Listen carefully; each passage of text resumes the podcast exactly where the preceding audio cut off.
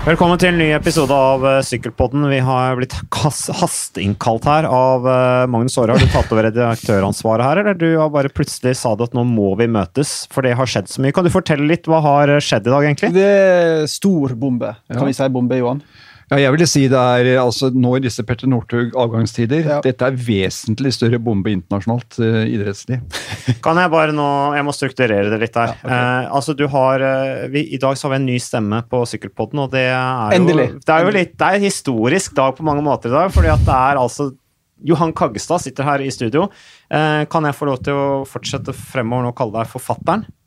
Eller foretrekker du ridderen? Nei, fattern foretrekker jeg. Ja, okay, Nei, forresten, ridderen foretrekker jeg i grunnen best. Det er, jo er litt det. sånn snobbete. Altså, er du blitt så gammel altså, at sønnen din må kalle deg for ridderen? Nei da, det er ikke det. Er du, er du en podkastmann, Johan? Det er jo første gang jeg er med på det, ja. så jeg vet ikke hva det dreier seg om. Ja, Det finner vi ut. Ja. Kjør i vei da, Madseren. Men uh, først skal vi ta ett minutts stillhet fordi Petter Northug legger opp, eller uh, er det egentlig grunn til å feire? Han har jo fremtiden foran seg. Han har jo vært en av de beste norske idrettsutøvere uansett idrett uh, gjennom alle tider. Så det er jo det er merkedag. Nå har vi hatt på følelsen at det kom til å skje. Og så jeg, tenker jeg at her er det mange muligheter. Han har jo nettopp inngått en avtale, så vidt jeg vet, eller holder på å inngå en avtale med TV 2. Og det kan bety at vi kan få glede av Petter Northug, ikke minst på sykkel. For han er en ihuga sykkelfan. Eh, jeg husker i forberedelsene til 2011-sesongen, VM-sesongen i Oslo. Så sykla han et 20 mils uh, turritt i Sverige, og skapte mye kaos i feltet. Han har jeg vært og sykla og trent med Petter Northug sjøl. Han var jo nede i Frankrike når jeg var proff og trente der nede. Så, eh, så, og dessuten så er han jo opptatt av lagtaktikk. Eh, som vi jo for så vidt har snakket med han om. Eh, som han jo syns har overføringsverdier til langrenn. Så Petter Northug har absolutt noe å tilføre sykkelredaksjonen i TV 2, så vi gleder oss til å ha han med der. Ja, i aller høyeste grad. Hipp, hipp, hurra! så det ble med det ett minutts stillhet der, altså. Vi valgte å ta den vinklingen. Men så til dagens uh, kanskje litt større internasjonale Det er jo en større internasjonal bombe at uh, Sky trekker seg som sponsor for det svært suksessrike sykkellaget enn at uh, Petter Northug velger å, å, legge opp. og Magnus Aare, du har jo allerede skrevet en del om det, så kan ikke du bare ta en kjapp gjennomgang? gjennomgang. Um, kort fortalt, de trekker seg etter 2019. Laget som sådan kan i teorien fortsette med en annen sponsor, men Team Sky er ferdig etter neste sesong. Enkelt og greit fordi et nytt selskap som har kjøpt opp Sky, som heter Comcast, har andre prioriteringer, andre ønsker enn det Murdoch-familien, denne tradisjonelle mediefamilien i Storbritannia, som var veldig forkjempere for Team Sky. Og De mister jo også aksjemajoriteten sin, Murdoch-familien? Ja, det? Ja. det gjorde de. Så de er ute av styret, og da sier da Comcast at Sykkel er ikke noe vi har lyst til å bruke penger på. enkelt og greit. Det er jo et historisk stort sponsorator, så du bruker nesten 400 millioner i året i Team Sky. Da tenker at pengene våre er bedre brukt andre plasser. Ja. Ja, det er sånn som skjer når det kommer nye koster inn, så skal de finne opp hjulet på nytt igjen. Så, så Og dette har vi sett 100 ganger i sykkelsporten ja, før òg. Det, sånn det, skjer det. i fotball, og det skjer alle steder. Eh, det spesielle er jo at dette er verdens beste sykkellag. Desidert. Seks av de syv siste Tour de France er vunnet av ryttere fra Sky. Altså Bradley Wiggins, Chris Froome fire ganger og Garen Thomas. Uh, og de har i grunnen oppstått uh, gjennom en gründerånd, pionerånd. Uh, Dave Brailsford har jo vært mannen bak. Og det var altså en idé fra 2006, da satt under samveldelekene i velodromen i Melbourne. Og Shane Sutton, som da var landslagstrener på bane, satt sammen med Brailsford, og så sa de vi må jo kunne lage et landeveislag. Og da hadde de sopt omtrent gulvet da med disse banerytterne sine, og det fortsatte de jo med. Vant 14 medaljer i Beijing-OL. Og så hadde de da begynt eh, forhandlinger med Team Sky. Og den direktøren de forhandlet med da, det er den direktøren som gikk ut og sa at nå skal vi starte en ny æra for Sky, eh, selskapet, etter utløpet av 2019-sesongen. Så han har vært med hele tiden, vært med på denne tøffe beslutningen å trekke sponsoratet fra Sky. Men det er altså en lang historie. Opprinnelig så sa mm, at vi starter laget i 2013. Men så kom det en ny beskjed at de eh, fremskjøt eh, starten på eh, sykkellaget til 2010. Og de deltok, kjørte også sin første sesong i 2010 og deltok for første gang i Tour de France i 2010. Da var det en svenske, Thomas Løvquist, som var bestemann fra Sky i det Tour de France. Men det har vært en gedigen satsing, kombinert British Cycling, hatt, hvor de har vært med Sky har vært med helt ned på øh, sykkelsatsing på skoler og i lokalsamfunn, og helt opp til dette profesjonelle laget. Så, og Det ble jo lansert da en målsetting, folk holdt jo på å le seg i hjel. En britisk rytter skal vinne Tour de France innen 2015. Sykkelverden slo seg på lårene, knegget, rullet rundt på gulvet. Det var jo de, Hva er det griser gjør? De nøffer. De grynter. De, grynter, ja. de gryntet i sjokk over å høre at en britisk rytter skulle vinne Tour de France. Men det skjedde altså 2012, når målsettingen var 2015. Det har vært en helt uh, formidabel suksess, og Bradley Wiggins veltet jo ut av Tour de France i 2011. Han kunne fort ha hevdet seg ganske høyt der også. Så, uh, og vi har hatt noen nordmenn der også. Kurt Asle Arvesen, Edvard Baasen Hagen, Lars Petter Nordhaug, uh, Gabriel Rask, som jo er sportsdirektør, var også aktiv rytter. vi har Kristoffer Halvorsen. Mm -hmm. men det har jo Én er jo selve sykkellaget Team Sky med all suksessen, eh, men britisk sykkelsport har jo også nytt veldig godt av det sponsoratet. Og, og, selve organisasjonsmodellen har jo også blitt litt kritisert for til en viss grad litt sånn rolleblanding, samrøre ja, mellom sykkellaget mm. og britisk sykkelsport osv. Det er for så vidt et tema eh, for seg selv. Men du rakk opp hånda, Magnus. Nei, nei men Johan sa alt jeg hadde på hjertet, egentlig. Eh, for jeg skulle si Hvor komisk jeg synes det var da Brailsford 2010, 2010 sa at vi skal vinne Tour de France i løpet av fem år. Det var jo, det var jo en vits, som du sa. Ja. Um, så det er ganske ekstremt, det de faktisk har fått til. Og samme hvor mange tvilsomme metoder de har brukt av uh, medisinske fritak og utnytta systemet, samme hvor masse dodgy de har gjort på, er det vanvittig imponerende. Det er ingen grunn til å tro at de andre ikke brukte medisinske fritak. Nei, og det, det, er, det er, så imponerende så det var viktig eh, prestasjon. Ja, de grisene man bare reiser fra gulvet og bukker, for det, dette er helt rått, det de har gjort. Og jeg pleier å si at um, jeg tviler på at det er noen uh, internasjonal idrettsorganisasjon som har vært bedre organisert, med ekstrem spisskompetanse i de forskjellige rollene enn det, og da tenker jeg uansett idrett, enn det Team Sky har fått til. Det er altså eksperter på hvert eneste område, og de har bygd en verdibasert organisasjon hvor de, hvor de måler eh, medarbeiderne sine eh, flere ganger i året på at de leverer eh, i forhold til sitt 100% ansvar, individuelt og relasjonelt. Og så har de jo blitt kritisert, da. Det er veldig lett å kritisere eneren. Uh, vi blir jo veldig begeistret når Therese Johaug vinner hver gang. Da heises jo flagg, og folk jubler og danser rundt, uh, rundt i ring i Nordmarka. Stua, ja. ja stua, det er kanskje stua det gjør. Ja. Uh, men det er jo det skal, skal bli kritisert for, at de er for gode. Så, så øh, Enerne blir jo alltid kritisert. Nå er det jo Mathieu van de Poel i sykkelcross som blir kritisert av disse gamle heltene fordi at han vinner for overlengt. Sånn er ikke det ganske typisk, da? Norge blir kritisert i langrenn fordi vi vinner. Ja, det er, øh, det er, mye å kritisere, men, men, først og fremst er de kjempegode. Og de er gode til å sette en målsetting, og de er gode til å bygge lag. Uh, og de, de blir selvfølgelig kritisert for at de kjøper seg til suksess. Eh, det er klart Med det budsjettet, altså lønnsbudsjettet er rundt 300 millioner norske kroner i året. Eh, og hvis tallene til eh, Magnus stemmer, det er litt i underkant av 400 millioner i året skal jeg ha gått inn med.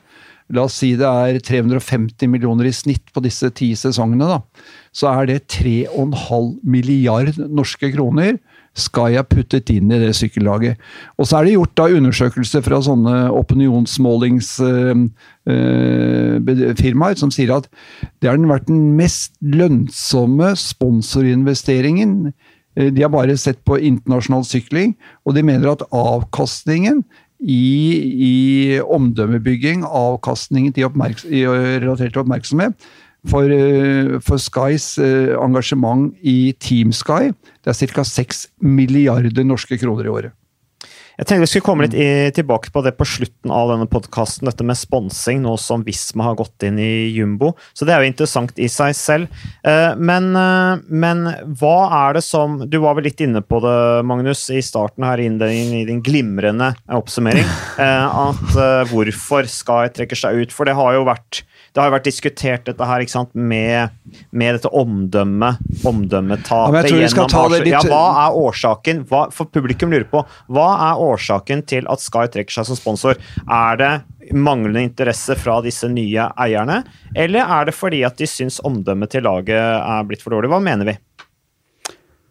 Det er vanskelig å mene noe når vi, det er ikke mulig å få eierselskapet i tale. Men alt tyder på bare at det er prioriteringer. Omdømmet selvfølgelig blitt svekka, men vi har egentlig ikke forutsetninger har vi det, Johan, for å si at det er grunnen til at de ikke vil fortsette. Nei, jeg kom jo over dette øh, rundt Tour de France, for da leste jeg Observer Telegraph og business-sidene der. Og da var, da var headingen 'Vil Wall Street påvirke Team Skys utvikling som sykkellag?'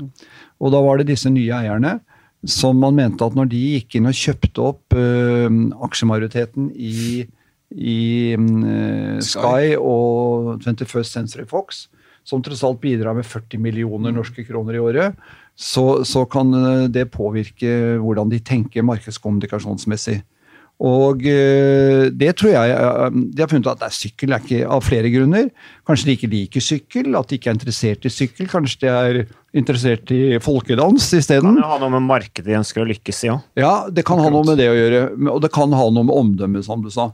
Men det er ofte sånn når nye eiere kommer inn, så skal de like noe som kanskje er noe annet enn det de forrige eierne likte. Og James Murdoch, denne mediemogulen, han var oppriktig og er oppriktig spesielt interessert i sykkel. Og når han nå forsvant ut, så ble risikoen stor for at Sky ville trekke seg ut. For å være ærlig, bare tilbake til spørsmålet mitt. Jeg tror ikke at omdømmet, altså det de har blitt kritisert for, er det avgjørende her. Jeg, jeg, tror at de gutta i sånne type selskaper som det der, så lenge de, så lenge de får forklaring Her har rytterne Her er det vært Det har ikke blitt begått noen De har ikke blitt dømt for noe enda, så, tenk, så tenker jeg da at da syns de at det er helt greit. Jeg er helt enig med deg, men jeg tror det spennende med hele omdømmet er jo hvor masse det vil påvirke jakta på en ny sponsor. Ja. For de må inn i nye marked. Vil de da kunne selge inn sitt prosjekt like godt som de gjorde for ti år siden, da det var The Clean Team som hadde nulltoleranse? Eller vil nye sponsorer tenke at ja, ja, da har vi kanskje like høy toleranse som alle andre? Ja, hva har de hatt av, Hvis vi tar på hva de har blitt dømt for, da, hva har det vært av, av dopingsaker i Team Sky som de har måttet sone en straff for? Tiernan Lock. Ja. Det var i Det er konkret. 2012. Han kjørte jo rått. Han kjørte vel for uh, Alt og bort. ja, disse små britiske lagene og vant jo Tour de Mediterranée og var jo helt rå på våren 2012. Kjørte også VM for England det året. Og det viste seg at han hadde veldig rare blodverdier og ble jo sparka ut og fikk to måneders utestengelse for svans fra To års, sykkelsporten. to års utestengelse. Ja, to år siden. Hva sa jeg? To måneder? Ja. Den tid er over i sykkel. Så har vi, en, vi har en dodgy lege som heter Gert Leinder, som er Ja. tilknyttet laget. Du har eh, rare blodprofiler på Sergio Enao. Og du har en del sportsdirektører som måtte slutte fordi de har innrømt at en gang i tida så var jeg òg med å jukse. Ja, Bobby Julian. Og det har jo Sky til en sant? Når de har sparka sportsdirektører som tidligere har innrømmet at de dopa seg, Jo, men det var så nulltoleransen. Ja, så var det nulltoleransen, men det er jo derfor dette har rammet de så hardt. Ja. da, Med Freeman-doktoren, ikke sant? Eh, Med disse, her, Blinders, eh, med disse medisinske fritakene som er avslørt gjennom Fancy Bears, russiske hackinggruppa, Ja. eh, som for øvrig er styrt av GRU, denne den russiske etterretningsorganisasjonen. Eh, Du har eh, testosteronplaster som plutselig har kommet på trappa til, til, eh, til Sky. Eh, og de har ha- forklare disse hendelsene, da, som på en måte er lett å kritisere de for. Men så er det jo da, jeg tror alle sakene vi nevner nå, er minst betydningsfulle. Jeg tror alt behandler om Wiggins, som du er inne på med, med Fancy Bears. Jeg tror et stadig mer skal si, sykkelutdanna publikum skjønner hvor alvorlig det Brad Wiggins egentlig drev med, var. da. Jeg tror folk, Selv om han aldri vil bli dømt for doping, så tror jeg folk skjønner at det er, i, min mening i alle fall, akkurat samme som regulær doping. det han holder på med. Når, du, når trenerne sier at vi gjorde det fordi vi skulle bli bedre å sykle, ikke for å sikre helsa, så mener jeg det er klink doping. Og det, det tror jeg vil hefte ved dem resten av Ja, det er ikke lenge igjen. Men, men det de har gjort, enkelt og greit, er at de har utnyttet smutthull i regelverket. Jo, men eh, Ja. glem Ja. alle de detaljene der, for jeg tror det er viktig det Magnus sier. Og, og så skal vi huske på at dette har vært så, såpass alvorlig at det har vært ø, brakt inn helt opp på parlamentsnivå. Altså Det har jo vært førsteside i de store britiske avisene, seriøse britiske avisene. Dette at TUE-saken til Bradley Wiggins har vært oppe i departementet, og ikke bare én gang, nei, parlamentet ikke bare én gang, men flere ganger. Og det, er, eh, det gjør noe med omdømmet, og det gjør noe med at en potensiell sponsor eh, i fremtiden vil være litt forsiktig med å bli assosiert med, med Team Sky. Altså, Det blir spennende å se. Vil du si noe mer, Magnus? Ja, jeg vil bare si, Vi har jo sett at BMC har mislykkes, et storlag, med å finne en sponsor. De skal jo da eh, fusjonere er det det heter, med Ja. et polsk lag. Eh, vi ser Quickstep ble redda i siste time, altså verdens mestvinnende lag. Så at Team Sky, som har et budsjett som er ja, nesten dobbelt så stort som Quickstep, i alle fall. Altså, det, mange lag i Tour ligger på rundt 20 millioner euro cirka. Sky hadde altså 35. At Sky da på Det er en frist fram til Tour de France. De har satt sin egen frist. De har seks måneder på seg til å finne en sponsor som vil komme med et like historisk stort sponsorat i en sykkelsport som sliter med å finne sponsorer, med et dårligere rykte enn hadde i begynnelsen, ser på som helt usannsynlig. Ja, de har Uten at jeg skal la kjenne de sponsormarkedet, men eh, det høres veldig usannsynlig ut. de har utrolig dårlig tid. Altså, Ja. De har ikke mer enn tiden og veien. Her er det ingen grunn til å sette seg rolig tilbake og tenke at vi har god tid. i hvert fall. Men Brailsford er jo en kløktig mann. Han kan jo ha et S i ermet på en eller annen måte. altså. Han er en fyr som finner løsninger på det meste, virker det som. Ja da, og de er jo en del av et nettverk gjennom dagens sponsorat allerede. Og jeg, jeg tror vi faktisk skal tro på dem når de sier at de vil få hjelp til å skaffe en ny sponsor. Mm. Jo, men det er jo ofte sånn, vet du. Det kan godt hende at det er noe reelt allerede bak denne intensjonen om å hjelpe. Uh, og jeg tror nok eh, det er viktig at den direktøren som nå uh, offentliggjorde at Sky skal gå inn i et nytt ny æra, han var med å etablere Team Sky allerede i 2008. Så han har vært med på hele reisen og føler sikkert for laget. Men, men så er det de nye eierne, kun Kellis, vil sikkert de si. De er kun opptatt av én ting, og de er opptatt av bunnlinja i sitt eget selskap. Og så ser de at de bruker da 350-400 millioner norske kroner i året på dette sykkellaget. Kan vi bruke de pengene på en annen måte? Og da er det helt sikkert noen halvfete direktører som sier at sykkel, det er ikke det vi ønsker. Vi, vi skal drive med golf. For Ja. eksempel. Altså nå bare Nå satte jeg det helt på spissen. Golf er en spennende idrett, det. Men, men det kan skje. Og så er det da Hva skjer med laget? Du er litt sånn stereotyp eh, her nå, syns jeg, med direktør og golf. Men la Men, hva du eh, si. Magnus og jeg har diskutert dette før i dag, og så tenker vi hva, hva skjer nå frem til de eventuelt har fått på plass en ny avtale? Det er klart, rytterne og staben de vil være usikre. Hva skjer med oss? Blir det nedskjæringer? Blir det lønnskutt? Må vi skjære ned staben? Rytterne vet ikke hva som skal skje, og i tillegg kommer det da en del eh, eh, sjarlataner og haier inn i systemet som skal hente og kjøpe ut de beste rytterne over til andre lag. Det kommer fra mye turbulens som skaper uro i forberedelsene til neste sesong. Det var det jeg skulle over til nå, Magnus. Hva skjer med taktikken til Team Sky kommende sesong?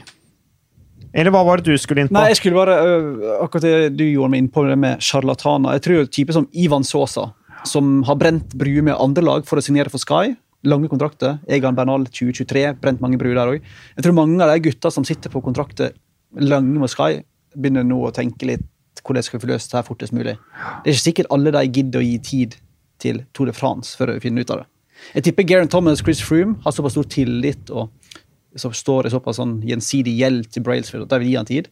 Men en del av storrytterne vil sikkert begynne allerede nå, og garantert allerede nå. Jeg vet jo, Agenten, altså Giuseppe Acquadro har tolv av rytterne på Sky. Han er jo på plass på Mørka akkurat nå. Jeg tipper det foregår en del samtaler der som ikke nødvendigvis belager seg på at Sky fortsetter. etter. Nei, Men det her er er jo et sjakktrekk at Team Sky har ha ryttere på såpass lange kontrakter, da. For det er jo noe med fremtiden til sykkellaget og forutsigbarhet Ja, og hva de har når de kjøper den varen som det sykkellaget er, da. Ja, men hvis det nå blir en annen juridisk enhet, eh, eller det, det blir ikke Eieren av laget, det er jo et uh, aksjeselskap eller stiftelse, Uh, en, en juridisk enhet. Det kommer bare en ny sponsor inn. Så for så vidt eieren av laget blir den samme, men selve f- det finansielle fundamentet og det organisatoriske det kan bli endret til laget. Og Dermed så kan du komme i den situasjonen at rytterne eh, har lov til å fristilles, og dermed ta imot tilbud fra andre lag og kjøpe seg ut av kontrakten, f.eks. Men ja. Ja, og hva med det kollektive, da? Så da er vi bare over det rent sportslige. Eh, hva, hva med det kollektive samholdet i Team Sky? Vi har jo diskutert det flere anledninger med lag som har hatt kniven på strupen. Vi hadde Cannondale, som nå er EF Education i Spania rundt, som litt sånn nesten rørende valgte å holde sammen, på tross av at egentlig laget eh, var på vei utfor stupet. EF Education kom inn absolutt på overtid, eh, men de valgte å holde sammen, kjøre som lag. Vil Sky gjøre det samme? F.eks. i Tour de France eh, med, med, Bernal, som er up and coming, ung. Hvis han føler han har kniv på strupen i forhold til at han må, på, må, må bytte arbeidsgiver. Sky har kanskje ikke fått, uh, fått en sponsor enda. Altså, Hva skjer det med samholdet i laget? Vil det gjøre det at dette her blir på en måte siste året vi får se Sky-dominansen i Tour de France? Veldig godt spørsmål. Um, men det å få det er få lag som har et så lojalt støttekorps, altså hjelperyttere, som Team Sky. De holder seg til planen. Altså, vi sådde jo mange, vi sådde jo en del tvil vi i media, f.eks. i sommer, om Geraint Thomas versus Chris Froome. Det ble jo ingenting, det. Det var tull fra vår side. De, var det var, de utførte perfekt. De gjorde det jeg skulle fikk beskjed om. Jeg tipper at i alle fall fram til og med sommeren Hva som skjer i Vuelta, det kan bli bingo. Men jeg tipper at de eh, er like solidariske, like selvoppofrende som de har vært tidligere. Ja, men Sky henter jo store ryttere som er enere i andre lag. Mm. Betaler de mer enn det de får som kapteiner i sine tidligere lag. Og så jobber de sammen fordi at det, de er der noen år, tjener store penger, de adlyder ordren, eh, gjør dette her som profesjonelle. Hva skjer da plutselig hvis det blir usikkerhet rundt rundt uh, framtida deres? Altså, hvis de plutselig må ut og søke på arbeidsmarkedet og sånne ting? Ja, men Tenk deg på en type som, som du Wout Pools, som kunne vært kaptein i mange andre lag, som hjelperytter i Team Sky. Tror du han tør å gå imot for første ordren til David Brailsford? Det tror jeg er veldig skummelt. Samtidig òg brenne broene med type Chris Froome og Geraint Thomas. Jeg tror ikke gutta tør det, og jeg tror de er for snille med hverandre og for fornuftige, uh, for helt ærlig. Jeg tror du tenker, Johan. Jo, jeg, jeg, er enig med deg, men jeg, ser jo utfordringen Og jeg ser at hvis det, det, trekker ut med å skaffe ny kontrakt, så ny sponsor, så, så medfører det usikkerhet, og rytterne begynner å bli nervøse. Det går utover prestasjonene. Og fruen hjemme på Bjerget sier 'hva skal du leve av neste år', da? Så, så, det er ikke noe godt grunnlag for gode prestasjoner. Også fruen nok... hjemme i Monaco som har vent seg til en viss livsstil allerede, mener du? Kanskje det. Uh, men, men det, er, det, er, noe med at hvis det sprer seg, hvis én begynner, så kan det spre seg i laget. Og så er det noe med å ville eh, gjøre seg lekre for andre lag. Og så er det såpass eh, enkel dynamikk her at det er nå en del som ser på resultatene, og ikke ser på det som er bak resultatene. Bak en seier i et stort sykkelritt som Tour de France ligger en fantastisk gruppe hjelperyttere som, som hjelper til. Men det, det er det ofte folk glemmer. Hvilket nummer ble du i Tour de France? Jeg ble nummer 87, men jeg gjorde en kjempejobb for kapteinen. Ja ja, det var fint, sier de. Jeg er villig til å sette penger på at den første som ikke adlyder ordre, og bare går sin egen vei, er Gianni Moscon. Ja, det er jo ikke noe tvil om at han er en av kandidatene. Men jeg, synes. Altså, jeg hadde drømt om å se Egan Bernal som uh, spiller sammen med Froome og Garion Thomas et år til. Uh, jeg hadde gledet meg til å se Bernal få lov til å bli kaptein i et ritt. Og jeg håper jo at de klarer å bevare den der sitsen rundt dette laget. Med verdens beste hjelperytter, Kwiatkowski, som i seg selv er jo en utrolig rytter, verdensmester. Du nevnte Wolt Pools. Det, det kryr jo av de! Og, eh, men det, det må altså Eh, vi så jo hva som skjedde med BMC, som også var bygget på et verdibasert eh, fundament. At rytterne begynte jo å, å slåss seg imellom, og det var ikke mye lagspill på slutten i BMC, altså. Nei, øh, men vi får jo bare håpe at dette ordner seg, fordi at øh, i sum så har jo Sky selvfølgelig vært en kjempe internasjonal sykkelsport og gjort enormt Særlig hva gjelder interessen i, i, Storbritannia, som jo har hatt stor betydning for internasjonal sykkelsport. Bare tenk på 2014, da det var altså på tre etapper i Storbritannia, to i Yorkshire, hvor VM skal gå nå til høsten, og så én frem til dronning, dronning, Elisabeth i Buckingham Palace. Så var det seks millioner mennesker live langs løypa på de tre etappene. Altså, det koker jo i Storbritannia. Og dette prosjektet Sky, det har jo altså fått hundretusenvis av barn til å sykle, til å lære trafikkregler, til å bruke i lokalmiljøet når det gjelder eh, befolkningen generelt, sykkel som et transportmiddel. Og de, de har eh, bidratt vesentlig, sammen med veimyndighetene i Storbritannia, til sikrere sykkelveier enn det man har hatt i Storbritannia. Hvor det, det er livsfarlig å sykle, for å være ærlig. Det rakner helt for britene nå. Sky legges ned. Brexit. Det går bare én Kanskje det nye laget vil hete Brexit? Team Brexit? Men jeg tipper faktisk at selv vi syns det er dumt, eller sykkelverden, det er ganske mange syns det er litt gøy. da. For Ja. første UCI-president David Lapartia tror jeg syns det er helt fint.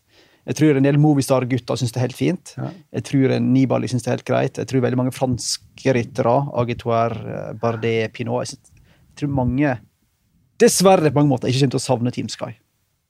Ja, misunnelsen er sterkere enn kjønnsdriften. Ja, og det støtter ikke jeg de på, altså. Eh, Men bare en annen ting. Eh, Hva skjer med markedet?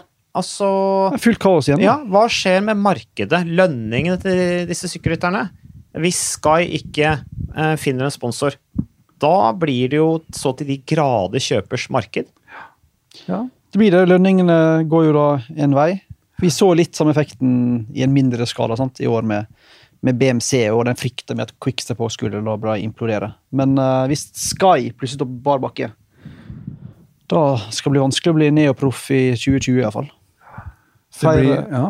det vil jo bli nedskjæring av antall Ja. ryttere på laget deres òg. Ganske sikkert. Men, eh, men sannsynligvis vi satser på at det kommer en ny sponsor. Lite sannsynlig at den sponsoren er like bemidlet, da. eh, Eller har samme budsjettet som det de har i dag. Sannsynlig Sannsynligheten for at det, at det er, blir et mindre budsjett, er jo stor. Da må det jo eventuelt gjøres som nå eh, i Lotto eh, NL Jumbo, eh, som tidligere het Rabobank, som jo også måtte forholde seg til på en måte helt annen realitet, men som allikevel har fiksa det ganske greit. Vi kommer tilbake til det. Er det noe mer dere vil si om Team Sky nå? Nei, Et par, par punkter til. Hva vil du si? Nei, jeg vil jo si at sannsynligheten for at skal jeg skifte helt karakter, er iallfall veldig stor.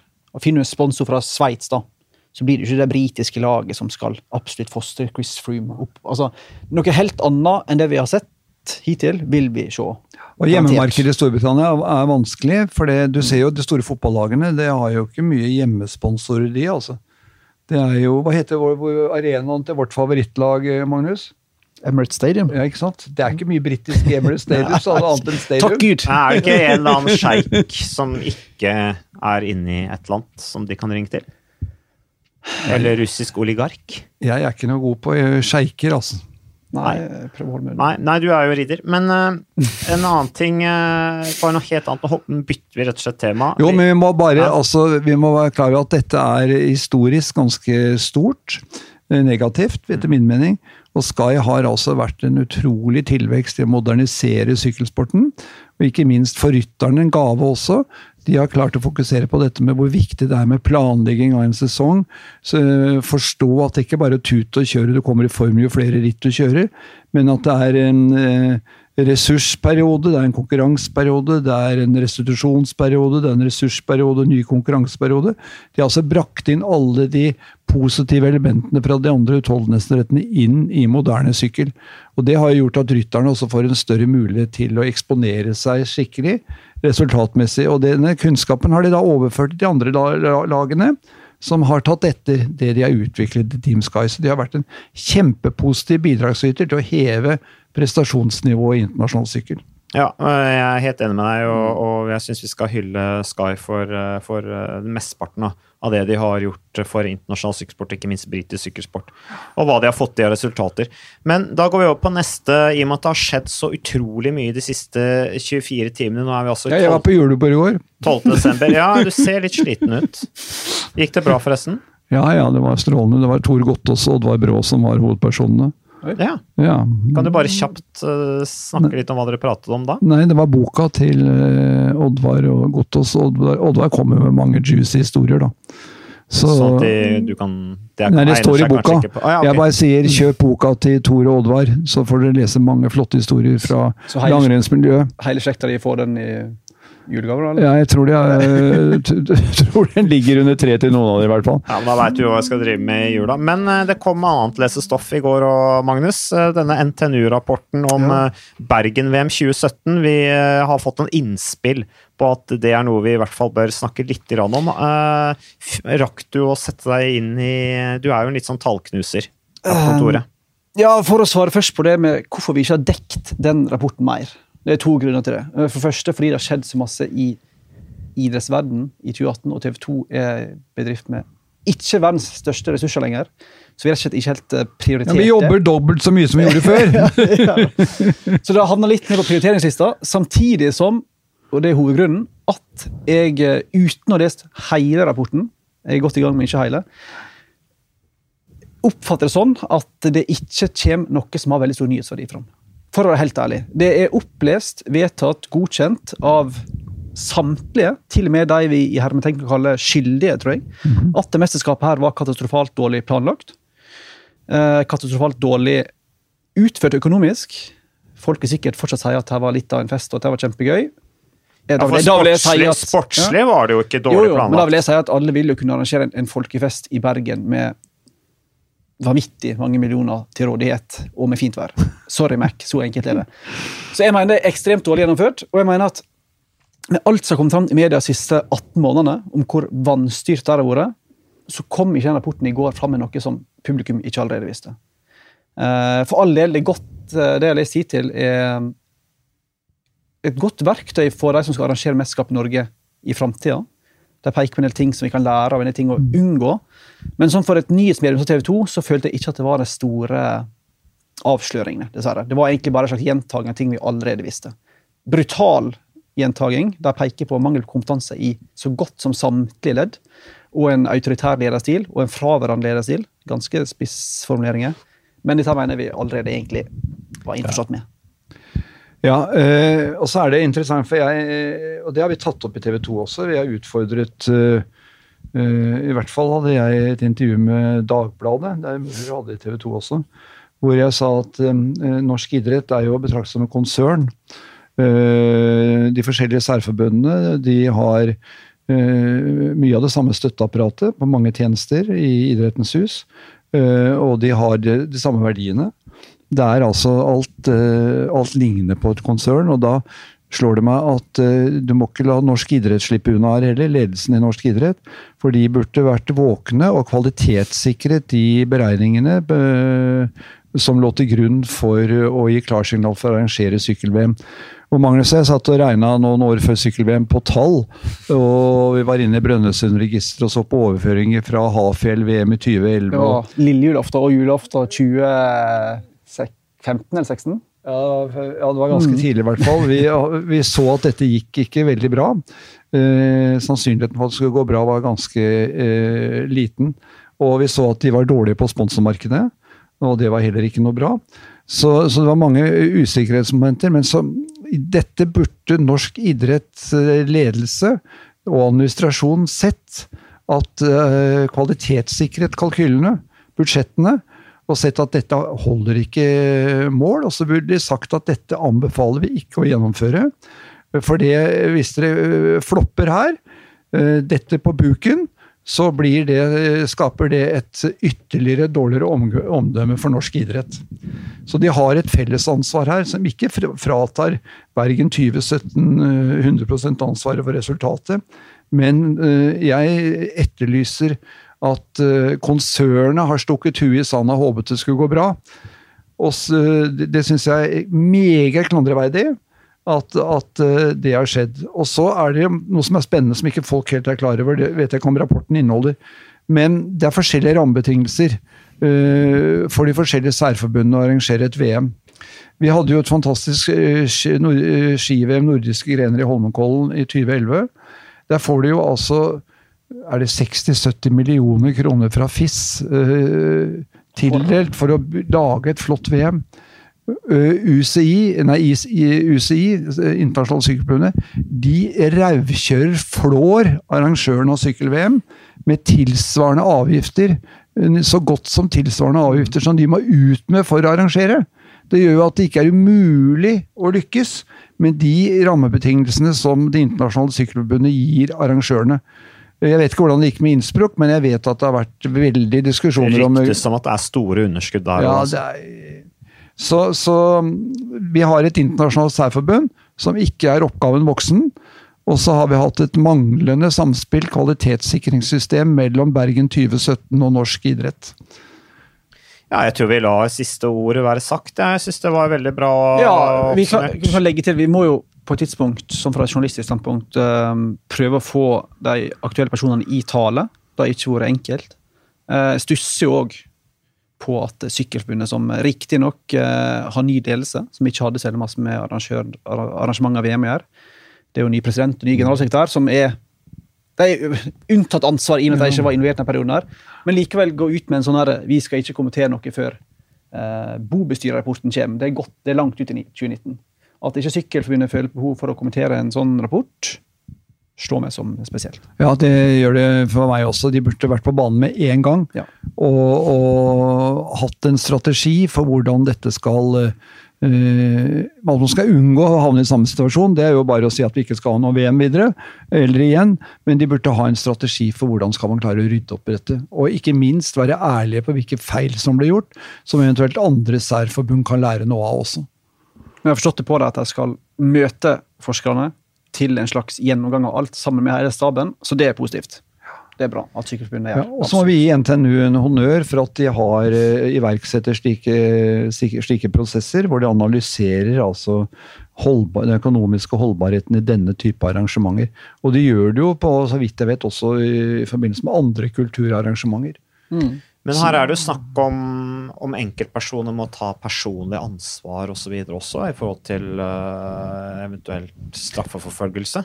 Det, det, var jo litt skuffende i, går, ikke at det var overraskende, men de sier jo forskerne at det var på en måte ikke vårt mandat å se på en potensiell straffeforfølgelse. Det er på en måte litt det vi vil få svar på, eventuelt når bobestyrer um, få klarhet i det. Det er de som sitter med Og det kan jo være en av grunnene til at kanskje forbundet er litt restriktive med å uttale seg, da. Nettopp den videre prosessen i forhold til det. Det kan godt hende, men en kan jo bare stille seg tilgjengelig for dette og si noen unnskyld uttrykket, bare, bare noen frase om at vi skal lære av fortida og gjøre bedre i framtida. Men det å si på en måte at en ikke skal kommentere ting, det slår meg som ja, det er feigt. Det er kanskje strategisk eh, en strategi de har lagt seg på, men jeg jeg hadde, og Norsk idrett eh, kritiseres jo for manglende åpenhet. Og jeg syns den måten å håndtere dette på går inn i den sekken manglende åpenhet. Eh, det syns jeg. Eh, det var noe annet jeg skulle si i tilknytning til Magnus sa også, men siden jeg ikke husker det, så var det sannsynligvis ikke viktig. Nei, det er ikke alt man husker hele tiden. Men over på noe helt annet som har mye mer positiv undertone. Jeg syns vi skal avslutte denne podkasten på vei opp. Eh, etter at det har vært i trykket stemme. Vi, vi starta med Petter Northug, som for øvrig var litt sånn ned, og så var det opp igjen, fordi vi fant ut at han skal bli sykkelekspert. Eh, det var noe vi snakket om her nå. i hvert fall. Det er ikke offisielt, vært, ikke offisielt men eh, vi, vi syns i hvert fall det. Vi har vedtatt det her i Sykkelpodden. Team Sky har vært innom, vi håper at det går bra. Bergen 2017, det vet vi var en suppe, selv om det ble et flott arrangement. Og så er det Jumbo Visma Uh, og da er vi jo litt sånn tilbake til det vi diskuterte med Team Skab. men bare på en helt Si også hva jumbo er, så ikke folk tror at dette er nederlagsdømt på forhånd. Det er jo ikke jumbo. Jumbo er en Ingenting med. Dagligvarekjede. Ja, dagligvarekjede, supermarkedskjede, som ja. spesialiserer seg også på økologiske produkter. Ja. Slik jeg har forstått det, som da også har vært delsponsor med Lotto NL. Ja. Uh, og jeg er veldig glad for å få ut Lotto NL. Jeg syns det er veldig sånn vanskelig å skille Lotto Lotto Sodal og Lotto NL. Da slipper vi i hvert fall den der blandinga der. En stor rettelse. La oss slippe mer sånne lottolag, sier jeg bare. Det holder med ett. Derfor er jeg veldig glad for at Visma går inn, og vi eh, går inn i dette laget. Eh, og de, har jo, de er kanskje litt Hvis vi snakker om hvem som er glad for at Sky kanskje er litt trøbbel, så er det vel kanskje akkurat Visma. At de nå kommer inn i riktig øyeblikk. For er det et lag som er spennende hva gjelder utvikling, syns jeg, etter at de tok et tak etter kollapsen av Rabobank, og Rabobank betalte sykkellaget uh, uten at de ville bli eksponert. Det var den perioden med Team Blanco, så var det. Belkin, Lars Petter Norhaug sykla der. Og så har Lotto Uh, NL kommet inn da med Jumbo, hadde et forferdelig år i 2015. Tok seg litt opp i 2016, og så har det vært en kulturendring der med Rikard Plugge, som jeg også skriver en, en to sitert om, som snart kommer ut på TV2s nettsider, om akkurat det vil jeg gå litt mer i dybden på. på Gjorde en fantastisk jobb med å endre den organisasjonen. Ja. ja, og de har jo bygd og vært usedvanlig gode til å rekruttere òg. Det er jo blitt et kjempelag. Det er blitt et kjempelag. altså du har, eh, Og du har jo Roglic, du har eh, Kreuzweig, da. Eh, og så har du Grånevegen. De Ja. tre gutta der, ikke sant. Eh, og så gjør de tidlig en, en sånn som De har jo en haug med, med unge talenter som Tolok, de har Bennett, de har eh, Han som klatret så bra i Tour of Utah, ikke minst. Sepp Kuss. Kuss ja. så sånn at de, de har jo et utrolig spennende lag. Eh, og, og dette her med, med at de har fått andre rammevilkår etter at styrterike Rabobank var inne der og pøste penger. Litt sånn som Sky har gjort med britisk sykkelsport, men kanskje noe mindre planmessig, da. Men de hadde også en pyramide hvor de tok tak i de best lovende ungdommene eh, og gjorde en kjempejobb med å bygge nye ryttere, altså. U23-lag. Ja. eh, De var inne og sponsa alt, eller veldig mye av det som var på arrangementssiden i Nederlands sykkelsport Rabobank.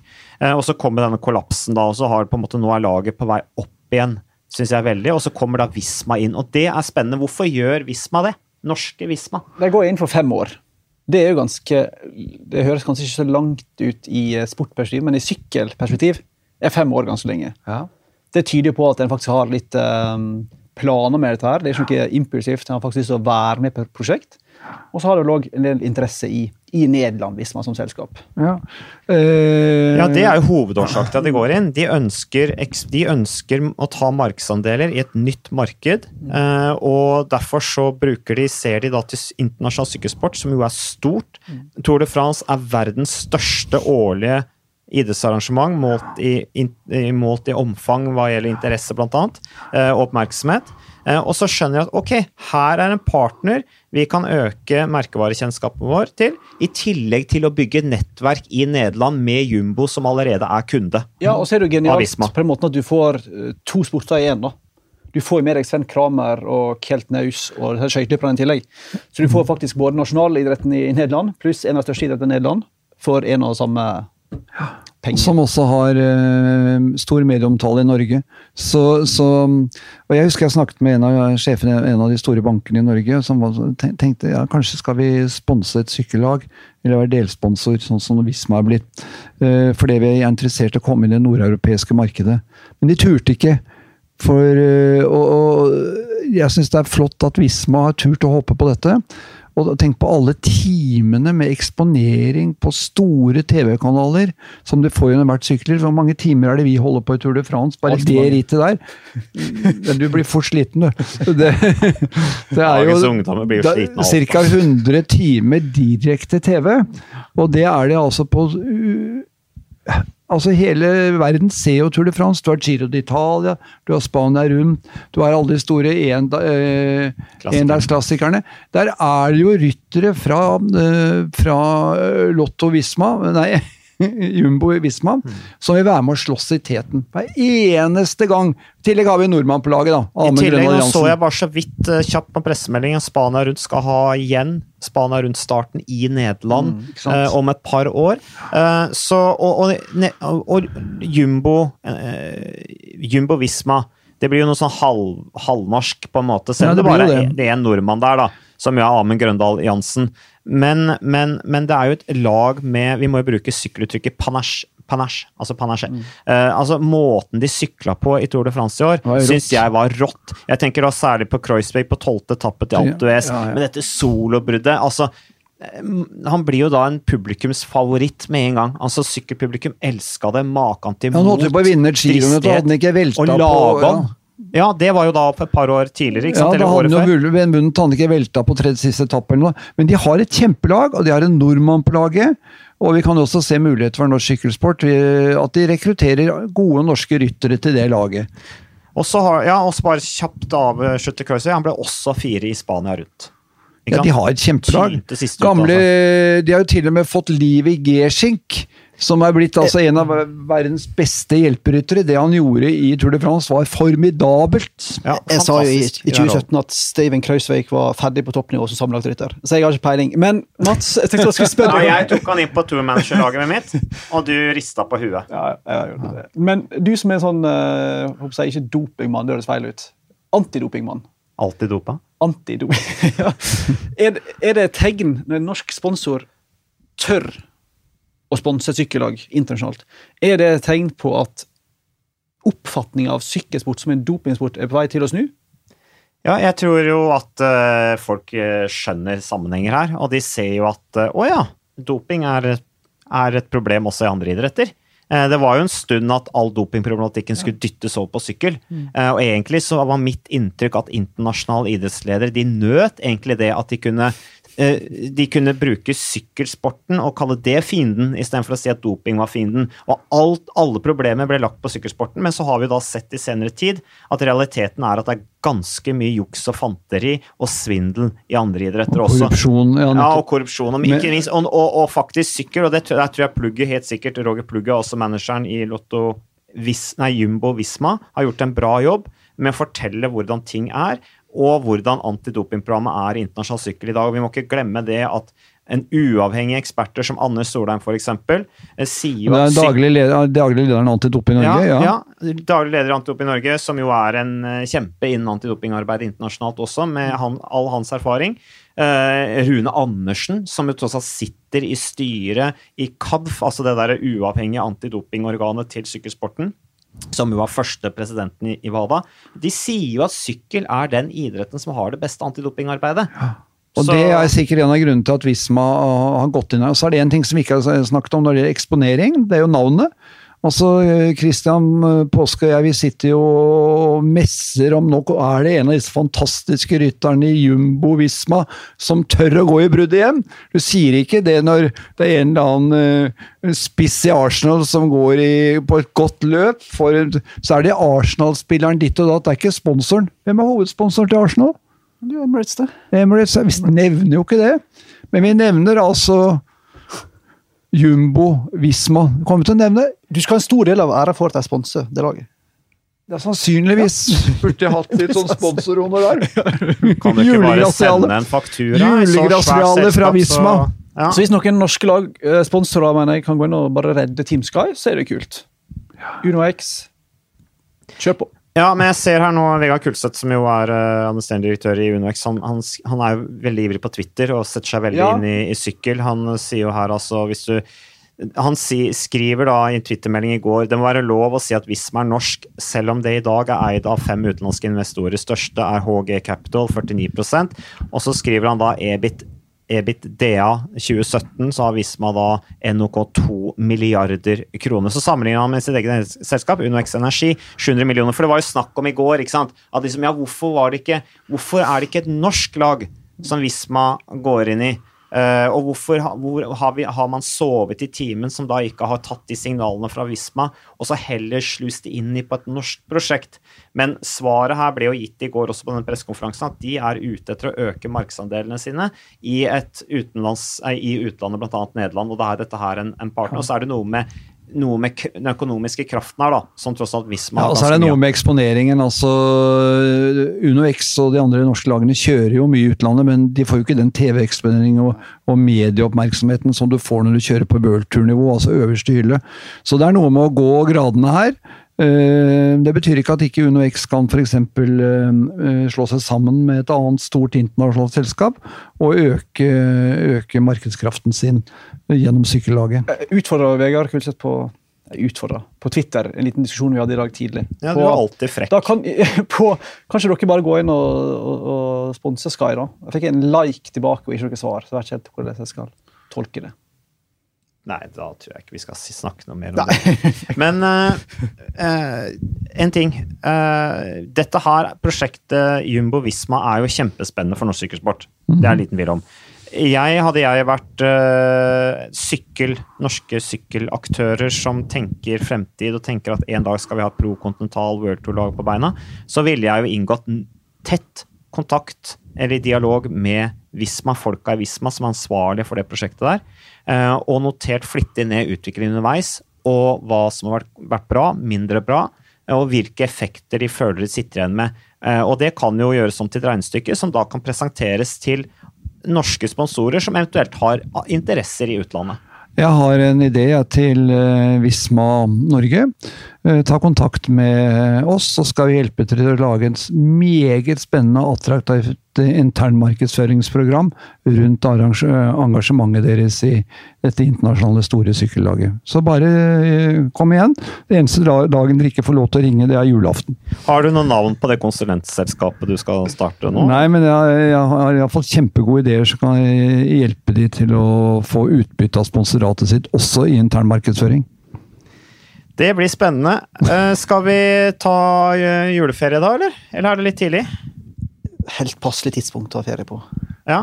Er det noe som er usagt, som vi burde diskutert når vi først sitter der? Endelig er samla? Vi var samla i går òg, faktisk. Ja, men da fikk vi ikke produsert noe. Det er forskjellen på Nei, vi har laget masse ideer for podkaster fremover til år 2027, har jeg inntrykk av. Men eh, vi kommer hyppig med podkaster vi fremover nå. Er vi enige om det? Absolutt. Vi lagde mange mange spennende ideer i går, altså. Send gjerne innspill til uh, ideer. Vi kommer sannsynligvis ikke til å følge opp en brøkdel av dem, men uh, noen av de kan jo være Jo, det skal da, det gjør vi absolutt. På hashtag to sykkelpodden, eller eventuelt da til uh, at Mats Kaggestad et eller annet, eller at Magnus Orre. At Ridder Kaggestad, den bruker du veldig lite, den der. Twitteren din.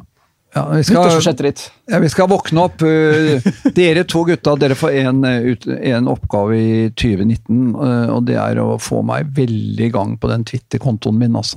Instagram, da har du det? Nei, det vet jeg ikke. Det Du vet jeg- ikke? Du Ja, men det skal jeg også få på plass. Nei, jeg tror vi skal være litt realistiske og si at det holder med Twitter og, og, og e-post. Du vet, jeg, blir jo, jeg havner jo ute i så mye diskusjoner på Twitter at jeg bruker så mye tid på det. Og så er jeg ikke alltid politisk korrekt, så da blir det så mye bråk, og så blir kona mi lei seg, og så blir det Det er jo sånne folk som man vil ha på Twitter. Ja, men eh, ja. Nei, men først og fremst god jul, folkens, fra meg. Og jeg håper Sky får orden på sakene, så Kristoffer Halvorsen får lønna si, og Gabba har jobb. Og, eh, og eh, så gleder jeg meg til en fantastisk sykkelsesong, for da er det like før det braker løs med Tour Down Under Ja. i Åssiland.